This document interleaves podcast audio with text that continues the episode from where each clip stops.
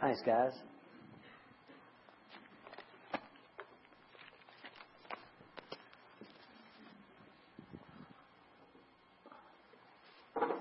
Well, let's get into the Word. How many of you need anything in your life? How many of you not going to raise your hand no matter what I ask? There you go.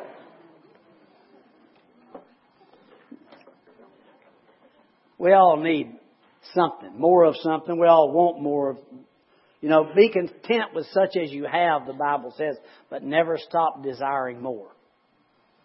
Never stop believing God for more. When, when, when we stop believing for anything in our life, it becomes stagnant. Okay? So we continue to believe. God is greater. God is higher. He is better in our lives than ever been before. So, trust in the Lord with all your heart. Lean not to your own understanding.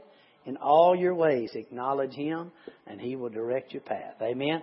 Be not wise in your own eyes. Fear the Lord, or honor the Lord, and depart from evil. Go with me, please, to Romans 8 and 28. And all you old Baptists, but your Bible should just fall open there. Pentecostals, we just never looked at it because we thought surely that must be wrong. We just didn't understand what it was saying. We, if you get a chance to look up uh, as old of, of, the King James version of the Bible as you can find, uh, and read the first couple of pages of announcements in that Bible when it was written. It really is a, a, a blessing. Uh, one is a blessing, one is a curse. You've got to watch out. When you read about uh, what the translators wrote about King James, you'll think they're talking about Jesus. So you got to watch out. Oh, most sovereign king, just goes on and on with a bunch of junk. Because King James wasn't that. He was a very wicked man. But he did have one thing that the Lord did through him, and that was print the Bible in English. Uh, but when they wrote it, and when they translated it, excuse me, when they translated it from the Greek and Hebrew into English, they were so afraid of what he said that it should say that everything they thought he wanted it to say, they would change and make it say that. So a lot of the Greek and Hebrew was changed through the King James. That's why we have mistakes in it. But it's also why we have mistakes in all the translations. They are translations. There's only, pl- there's only one place that the true, complete, perfect heart of God Bible is, and that's in every Christian that lives. Right? Because the Holy Spirit is the only one that can explain to you exactly what it means and what it means this time.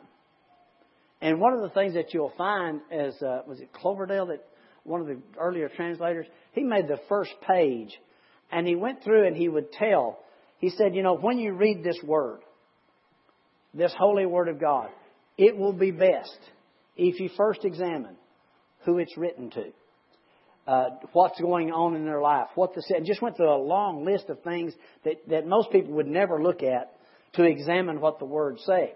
You know, we, we look at things in the Word of God and just simply say, "Oh, that's the Word of God. It's what it says. It's what I got to do." Well, not all of it. the doors are locked. You can't get out. Okay. Not all of it. See, Jesus was called a liar in the Bible. Is that true?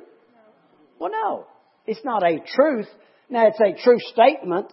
Someone actually said it, but it's not a statement of truth. Right? We need to know the difference. There are things that are said. They were truly said and they were recorded in that Bible. But it doesn't mean that it's a truth. So when you and I, that's why the, the Spirit of God, that's why He said, I'll write my laws on their hearts and on their minds. Right? I'll be their God. They'll be my people. Their sins, their lawless deeds, I'll remember no more. The, the Lord, oh, wow. Thank you, Lord. Go, let me show you something. Go with me to uh, 2 Peter. This is not the message, but it's a preface to the message.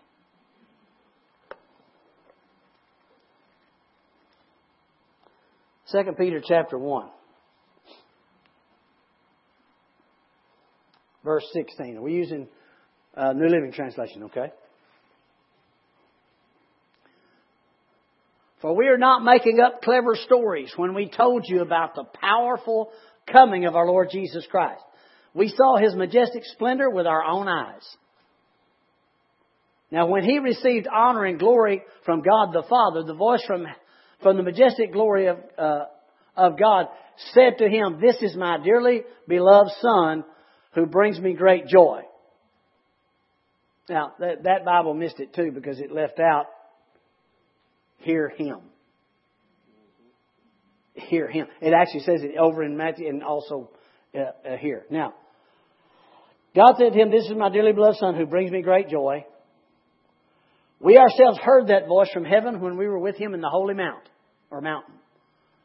Because of that experience, we have even graver confidence in the message proclaimed by the prophets. You must pay close attention to what they wrote, for their words are like a lamp shining in a dark place.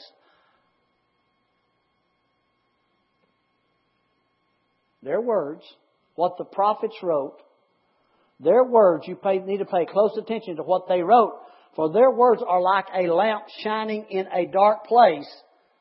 What's the next word? You need to pay attention to what the prophets wrote and what the law said until something takes place. Until what? The day dawns and Christ the morning star shines in your heart.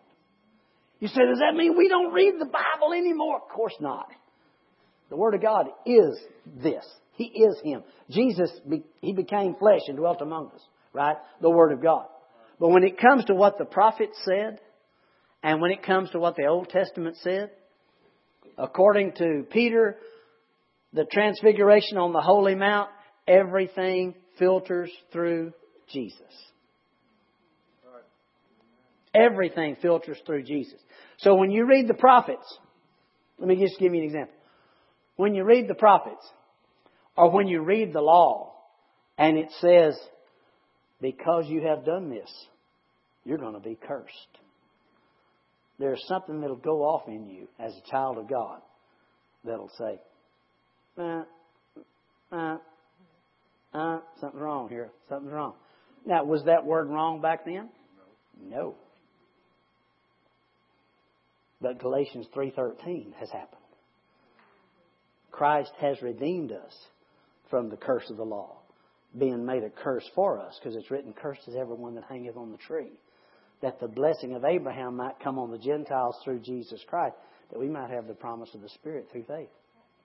Are you with me? That's why he said, you, need to read what the prophet said. Man, read those stories. I read the Old Testament all the time. I just love reading. We're going to be in here in just a minute. I love reading the Old Testament. But you have to filter everything through Jesus.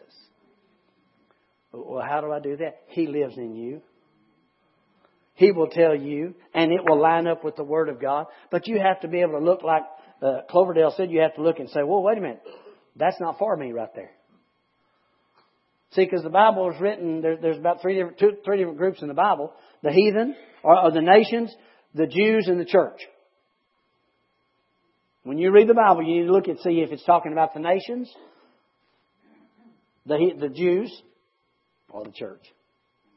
See, because we get stuff everybody else doesn't get. Come on now. It's a, it sounds like a lesson. That's what it is. Because most of have been brought up in the Bible, and we said, whatever the Bible says, you do. Well, I got a problem with that. Because most everybody's wearing clothes that are not pure anything, they're a blended fabric. And in the old law, you couldn't wear clothes that have blended fabrics. It had to be made 100% of the same thing every time. Oh, no. But it's a law. I know. But it's no longer there. Now, I know that's one of the crazy, goofy ones, but how many of you got a battlement, a battlement built around the top of your house? That was a law. So that people that came and visited you and slept on the roof couldn't fall off. Makes sense, right? back then. You see what I'm getting at? That, that's why this, this is not a religion, guys. This is a relationship. Christ in us is the hope of glory. And so that's why you and I look to Him, the author, the developer of our faith. We still read. We still look at the Old Testament. We enjoy the Old Testament. We love the Old Testament. The Old Testament is Jesus concealed. The New Testament is Jesus revealed. You need to look at that. But do not try to take a lot of those laws in the Old Testament and a lot of the things that the prophets said and bring them in today because if they were said actually before the book of Acts, because Matthew, Mark, and Luke, and Luke and John are all accounts of the last prophet of the Old Covenant, and his name is Jesus. Okay, he is our Savior. But when when when the blood when the blood ran, everything changed. Think about it. When the blood ran, everything changed.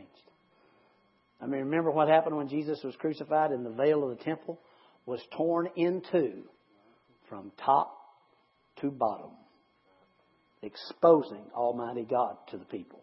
First time ever, and now and forevermore. It went from top to bottom because it wasn't us coming up to Him, it was Him coming down to us. Okay? Right, is that enough lesson? I don't mean to get there. But you know, you gotta, sometimes as Christian people, the devil will try to pound on you to make you, well, that's what the Bible says. That's what I got to do. We need to find out if he's talking to you. Right?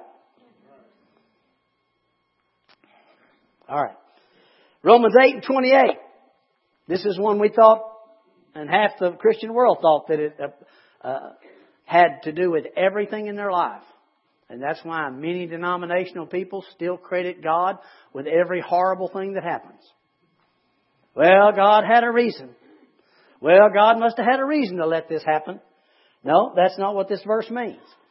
Romans, we know that God causes everything to work together for good to those who love God and are called according to His purpose for them. God will make everything work together for your good. As a child of God, if you and I will stand and believe it. He did not say that everything that happened was good. It does not say that God causes the bad things because He doesn't. Well, I don't know why I'm doing here this morning, but let's stay. You have to understand when you read in, in the Old Testament and, and written in Hebrew, you have to understand it's written with a Hebrew idiom. That Hebrew idiom says this. If you can do something about something and you don't do it, then it's considered that you did it. So everything in Hebrew is written from the fact, that's why they didn't know the difference. They thought God did all the good and all the bad. And God sent an evil, an evil spirit from the Lord came upon Saul. What? An evil spirit if, if you stay with that idiom, it's going to, don't read 1st and 2nd Samuel, 1st and 2nd Kings, 1st and 2nd Chronicles, because it's just so weird because you'll read there and the Lord will tell this one guy to do something and you go over here and tell this other guy to do ex- just the opposite. And you tell each one of them to tell them that the Lord said to do it. I mean, it really looks like God's schizophrenic. If you read the Old Testament and don't understand what He said. These people didn't know. They thought everything came from God, good or bad. They just didn't know. It takes revelation and insight to know the difference in the God's Word. It has to live in your heart. Thank God that's what it does today. Amen? All right. All things work together for the good to them that love. It means you can take a bad thing and turn it into a good thing. Jesus does that more than anything else. Takes the bad and turns it into good. Thank God. I don't know about you, I had a lot of bad stuff happen in my life. It wasn't God. He didn't get you in that, but He'll get you out. And don't think because you got yourself into it, He won't get you out. That's what this whole Bible's about. Man getting himself in a mess and God getting him out. Why? For God so loved the world. It's called love, and that's what He wants to do. Okay? All right. Uh, we don't have to go there, but First Thessalonians 5, 16, 17, 18 says, Rejoice evermore, pray without ceasing, in all things give thanks, for this is the will of God in Christ Jesus concerning you. So we've taken that to say that whatever we're in is God's will. That isn't what it said. It said, Rejoice evermore, pray without ceasing, in all things give thanks, for this is the will of God in Christ Jesus concerning you. All he said was, no matter what you're in, what is God's will? Praise Him. Why? He'll get you out. Praise Him because He's paid the way for you to be out. Praise Him. Rejoice evermore. Pray without ceasing. And give thanks. Oh God, thank you. I don't have to stay in this. Amen. I thank you, Lord. I know you didn't bring this, but I know you'll get me out. That's the God that you serve. And He glories in doing that. Some of you give Him a lot of glory. I'm in there too. Why? Because He gets glory in getting us out of the troubles we're in. Amen. And as we learn, we don't get in so many troubles. Y'all look so sweet. Many of the afflictions of the righteous, but the Lord delivers them out of their, them all. All right, I got, to, I got, I got to move. Okay. All right. Philippians two thirteen. I want, I want you to see that because we're going to jump off into this from this verse. How many of you know without a doubt you have accepted Jesus Christ as your Lord and Savior? Proud of it. Amen? Because of who it is that dwells in you. You are a child of the Most High God now and forevermore. Again, this is not a religion. It's a relationship. A miracle actually took place in you when you believed on the Lord Jesus Christ and you became new. I don't care if you were nine years old or 89 years old when you accepted Jesus. A miracle took place in your life. And if any man be in Christ, he is a new creature. Old things are passed away and all things are become new. Amen. So every area of your life can become new. Did I tell you where to go to? Philippians 2.13? For God is working in you, giving you the desire and the power to do what pleases Him. Would you go to the King James for me also? I like that one. It's God working in you, giving you the desire and the power. For it is God which worketh in you both to will and do of His good pleasure. I want you to know this day in your life, God is at work in you. You say, well, Brother Butch, I just haven't prayed and I haven't. That's why He's working. Uh, amen? It's kind of like if one of us is going to sleep, we don't want it to be him. Right? Amen. He that, he, he that uh, watches over Israel never sleeps and never slumbers. That's us, okay? They're talking about the Lord for us. So, uh, since we can't do it, we're so thankful that He can. Now, as a child of God, we want to do great things for God. Thank you for that, amen. I want to do good. I want to do great things for you. I want to do everything He tells me. I want to do it. The only thing I, the only problem I have with doing that is Butch. He wants to get in the way every time that God gives him something to do and help God. Because Butch has some good ideas every once in a while. Amen. The Lord never wants to use any of Butch's ideas, but that's what happens. All right? But the Lord wants to work in you, and He works in you all the time, bringing about things, even when you don't know it's happening. All right, so I'm going to show you some things very quickly, and, and I did this Wednesday night. I'm sorry you were not here. I wouldn't have had to recover this if you'd all been here Wednesday night. But anyway. Okay. There are some simple things. I love to watch how little God needs from me and you. Doesn't mean we can't do great things. But I love to see how little He needs from me and you to do great things. Right? So, just some examples. We'll not turn there. Just uh, you may want to write these down uh, just to remember them if you do.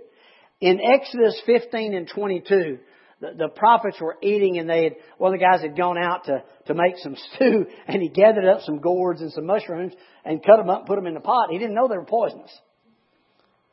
And when, so when they started eating them, they realized they were poisonous. Well, you know what the Lord, he, he told one of the prophets, he said, oh, put some flour in there. So they put a little flour in there and then he said, it's okay, y'all go ahead and eat.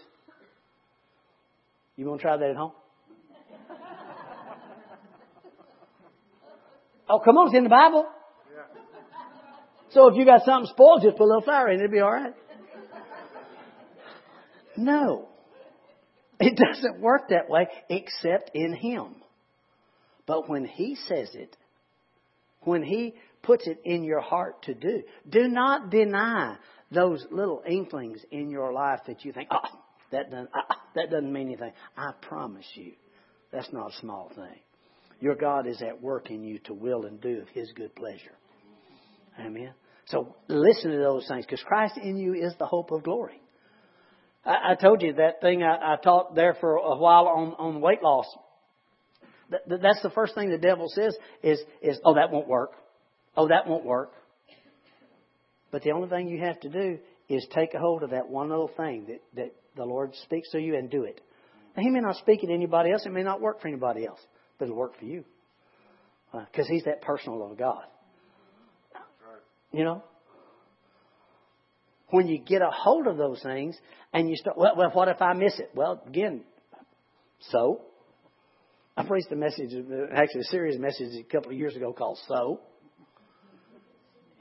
Look, your little mistakes don't stop God. Let me go over on this side. He is Almighty God. He is bringing me and you to a place of, of full, I mean, to, to the point where even in every area of our life, it, it says that He has, He has predestined that we be conformed to the image of His dear Son, not just on the inside, but everywhere else.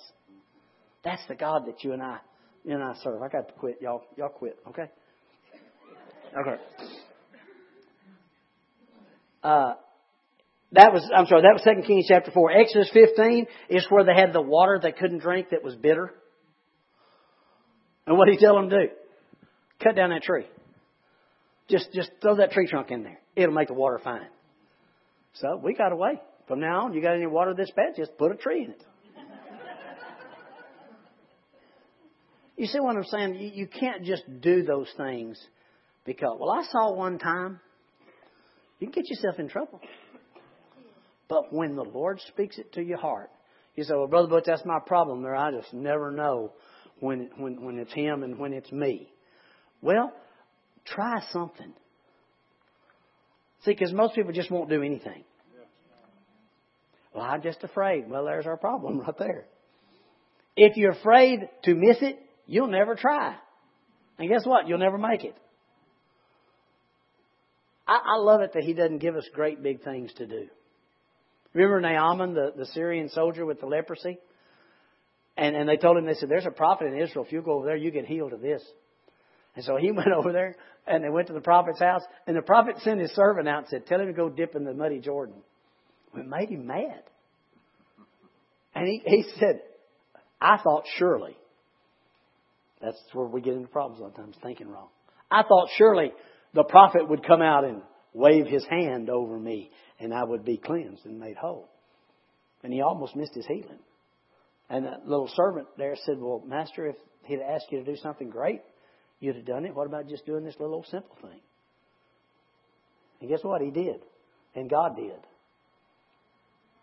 God doesn't need as much from you as you think to bring you not only to fix your family or to fix your health or, or your business or, or, or, whatever it is, whatever you're believing God for, and you should be believing for Him in so many different areas. He doesn't need as much from. He certainly doesn't need you to be the brains of the outfit. That's right. Amen. Amen. Just how do we start this? You get up every morning and say something like, "This is the day the Lord has made. I'm going to rejoice and be glad in it." Amen. Lord, I thank you this day that you're going to show me things. And at the end of the day, you say, Lord, I want to thank you for the things you showed me. What if he didn't? What if he didn't show me anything? Say it anyway, because he did show you some things. You probably missed them, but he's not going to take them away from you. Well, I'm just never showing it to Chuck anymore because he didn't use that idea I gave him. His grace is sufficient. What he's done is enough. He will never give up on you. He will never quit. He'll never stop giving you the ideas to fix your family and your health and your wealth and your peace and your life and your joy. Okay? All right, Left. I'm not going to get to this if I don't get started here. Okay. Whew. Go with me. Let's just jump over. Let's jump over to Genesis. No, let's don't do that. Let's go to the book of Judges. Judges chapter 6. I told them Wednesday night, if I can remember this very quickly while y'all are turning there, we were talking Wednesday night. In Matthew chapter 1, when it gives the genealogy of Jesus, the family line, his family tree, there are four women listed. Only four in all. I mean, just women were not counted as much back in those days. Boys and girls, when when men rule the earth. Okay, that's why it got in such a mess. Okay, but anyway. And the ladies all said, Amen. But in the genealogy of Jesus, there are four women that are named. The, I believe the first one named as they start rolling them, first one is Tamar. Let me tell you how wonderful and how righteous and how one. She slept with her father in law. Played the part of a prostitute, slept with her father in law. Okay? Then let's see. Next is uh, Rahab. Rahab? Anybody know who Rahab was? Rahab was the prostitute that hid the spies. But for some reason, we don't remember her occupation as much as we remember what she did. The other, the next was Ruth. Yeah. Ruth was a Moabite. She was a heathen. She did not belong to the house of Israel. And then the next was Bathsheba. Bath, Bathsheba, remember? David killed her husband so that he could have her as a wife. The Lord doesn't always pull the cream of the crop to get his stuff done. But when the Lord pulls you, you are the cream of the crop. No matter what you've done, whatever's going on, what you'll be remembered for, it does not matter. These four ladies, it's just so amazing. He put these ladies, the only four women mentioned in the genealogy of Jesus. Amen. That's the God that you and I serve. That's the God that we don't have to depend on our qualifications. We get to depend on His qualifications. So never again use your but I'm because it doesn't work with God. Okay? Did you find the Judges? We don't have time. We need to cover. When you get a chance, read Joshua, Judges. Read the sixth and seventh chapter of the book of, of, of Judges. This is Gideon.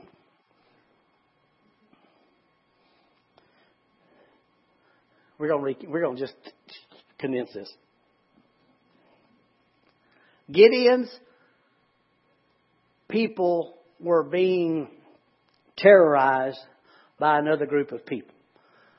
The other group of people would come in, they would wait till the crops started to come up, and then they would bring their armies in and trample them down. They would steal anything and everything that was usable to them from the Israelis. Okay? Just so they could have. So this is what happened, what's happening in Gideon's life. He is in the smallest tribe, and he says here he is basically the youngest or the smallest in his tribe. And he is in the flour mill hidden in a cave. They would do the, the grinding of the flour in a cave so they could hide, so they could have something to eat. Because this army kept coming in and destroying. So Gideon's in this flour mill hiding, doing grain, and an angel of God appears to him in the sixth chapter and says this, Behold, thou mighty man of valor. He's hiding in the flour mill making grain. Behold, thou mighty man of valor. See, God does not look at you in how you look at you. He looks at you through his eye of love because he loves you. Right? He sees what he can do through you. So that's what he said. Behold, thou mighty man of valor. Didn't they go through all of this, this stuff?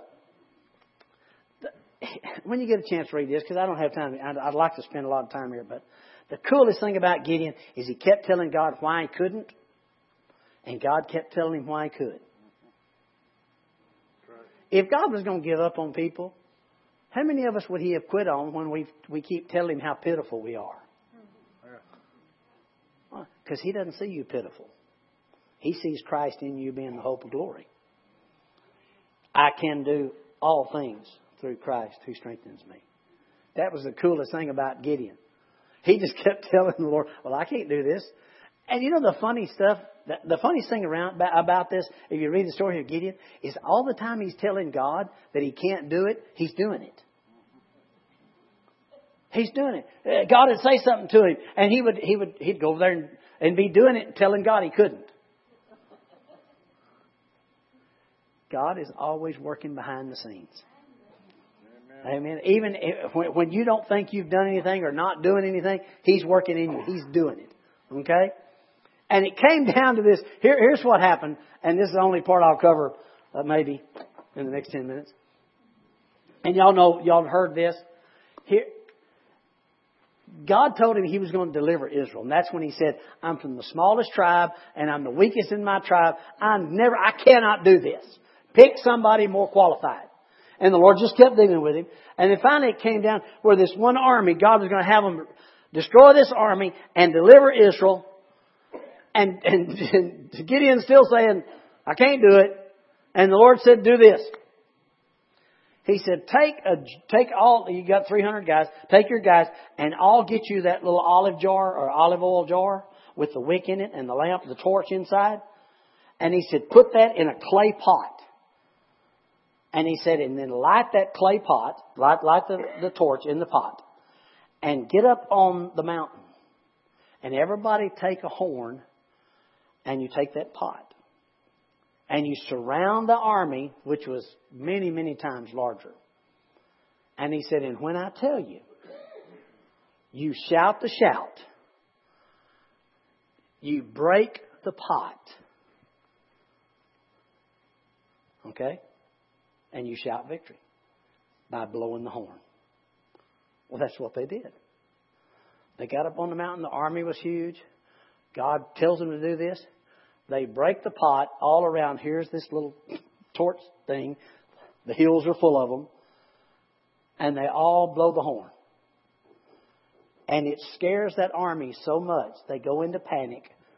They kill each other. They, do, okay, now, this was my this was the great title of my message. If some of you weren't here just a couple of years ago, the way that God used this in order to get His people into the place they wanted. Here's what God asked Gideon to do in order to win. Gideon, can you break a pot and toot a horn? That's all he needed. You don't have to fight break a pot and toot a horn? How many can break a pot and toot a horn? How many can, you know, you open one door? How many can do one little thing? That's all you got to do. And sometimes you, here's the coolest thing. Look, sometimes you be sitting there saying, I don't know why I'm doing this. it's because the Lord put it in you. That's a cool thing. Whether it's coming out, you know, uh, if he gives you an idea of how to get out of that financial situation you're in, don't look at it and say, that's not going to amount to anything. I promise you, if he put that idea in you, it's going to work. It may be slow to get rolling, but once it gets rolling, okay, whether it's your health, you know, I told him Wednesday night, there may be a thing the Lord, you start to eat a certain thing and the Lord said, don't do that. Don't eat that. And you think, oh, okay, I don't have to do that. I'll eat something else. You say, ah, what good will that do? It'll change your life. You start to apply for one job someplace, and the Lord said, no, don't do that. Don't want you here. You said, well, I just don't feel right about it. I need a job, Lord. Come on. Yeah, but you want the right job. You know? These are not big things, guys. This is how our Lord leads us. He leads us by the presence and the absence of peace. You're not looking for peace. You have the peace of God. If you're making a decision and that peace is not there, then you need to realize you made the wrong decision. Because you're, you're not just searching for peace. You have the peace of God that passes all understanding. Okay? Now, let me give you the key to this whole thing and then we'll be dismissed for this morning. Uh, I better, I better read it so you see. Go back. We're here in, uh, 2 Kings I'm Second King. Judges. I'm sorry.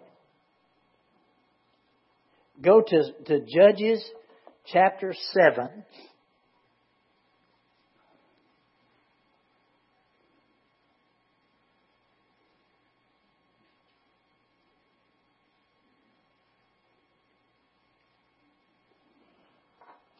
Seven and oh, let's let's do it with verse 11.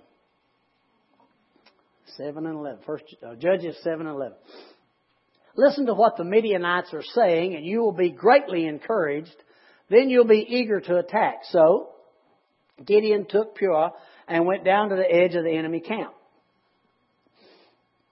The armies of the Midian, Amalek, and the people of the east had settled in the valley like a swarm of locusts. Their camels were like grains of sand on the seashore too many to count. This is what Gideon has. Okay, he's okay now. The Lord's given him enough signs that he's going to be willing to, to do this if the Lord do it. Now, too many to count is this army. This is not Gideon's army. This is the enemy. Now Gideon crept up just Gideon crept up just as the man was telling his companion about a dream. The man said, I had this dream, and in my dream, a loaf of barley bread came tumbling down into the Midianite camp. It hit the tent, turned it over, and knocked it flat. That's the end of my message right there. You say, what are you talking about? A loaf of bread? You need victory in any area of your life. You need something fixed, changed, better, whatever. It's a loaf of bread is all you need. Amen. Thank you, Jesus. He is the bread of life. He's it. You don't need to, all the cunning and you don't need all the weapons and you don't need, well, if I just, you know, I, if I can just borrow enough money to get me totally out of debt. Y'all missed that. I've done that several times in my life. You didn't miss it, did you? I just borrow enough money to get me totally out of debt.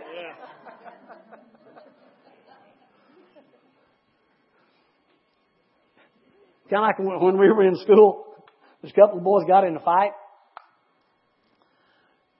And I, I, I have to tell you that the guy on the bottom was, uh, he really an optimist. Because the guy sitting on his chest was beating him in the face with both fists. And the guy on the bottom was screaming, Get him off of me and I'll kill him. Get him off of me and I'll kill him. I thought, oh, I've never forgotten that to this day. Get him off of me Mike, and I'll kill him. If you can kill him, you can get him off of you. See, this loaf of bread tumbling down has already come for us. And that's Jesus. He is the bread of life. Whatever you need, fixed, changed, renewed, whatever. He's already there. And guys, He's not waiting for me and you to do anything but one thing. Believe. He doesn't need our deeds. He doesn't need our expertise. He does all he needs. Now, don't get me wrong. You will have deeds, and you will have expertise, and you'll have wisdom, and you'll have knowledge, and everything else. But it'll come from that loaf of bread rolling down the hill, flattening everything that's in your way. Sickness, poverty, death, whatever it is. Trust in the Lord with all your heart. Not, not your abilities, not anything. Just trust in Him. He is, he is ready, willing to do exceeding abundantly above all that you could ask or think. According to the power that's at work in you, the Bible says. And what do you need from Him this morning? What do you need fixed? Whether it's any spiritually, mentally, physically, financially, or socially. That loaf of bread t- tumbling down that mountain, it'll take care of all of it. It will remove it. It'll knock it flat. That's why the word says, looking unto Jesus, the author and the developer of our faith. When, when you don't have the answer, say, Lord Jesus, I want to thank you that you are the answer.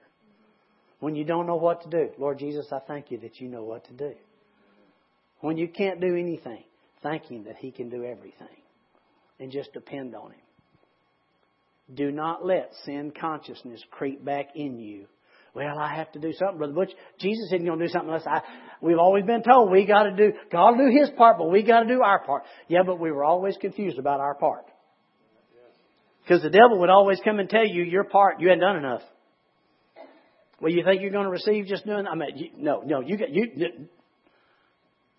We got a part. That's believing. Believing that He is bigger than any situation in your life.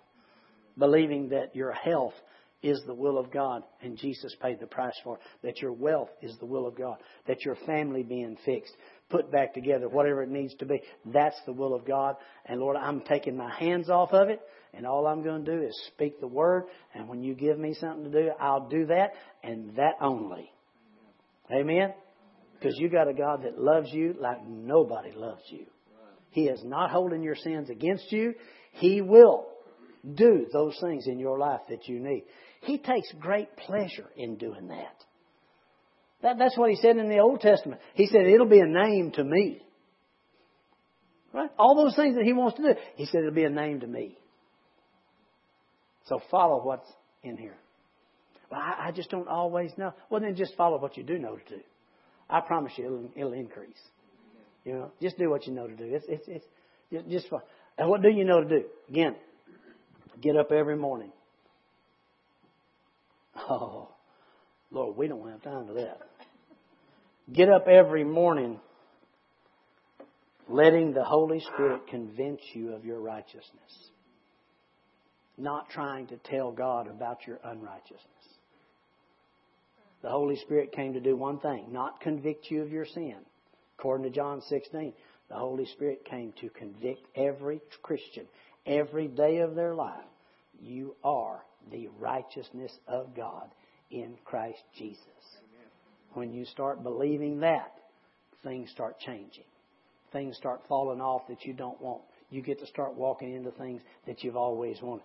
When you start understanding, the Holy Spirit's got one job. To the sinner, the Holy Spirit has one job convinces them or convicts them, you need to know Jesus. To the child of God, He's got one job convince you that you are the righteousness of God in Jesus Christ, not because of what you've done, but because of what He's done. Amen. His grace is bigger than your sin. Let's stand together and I'll prepare to quit.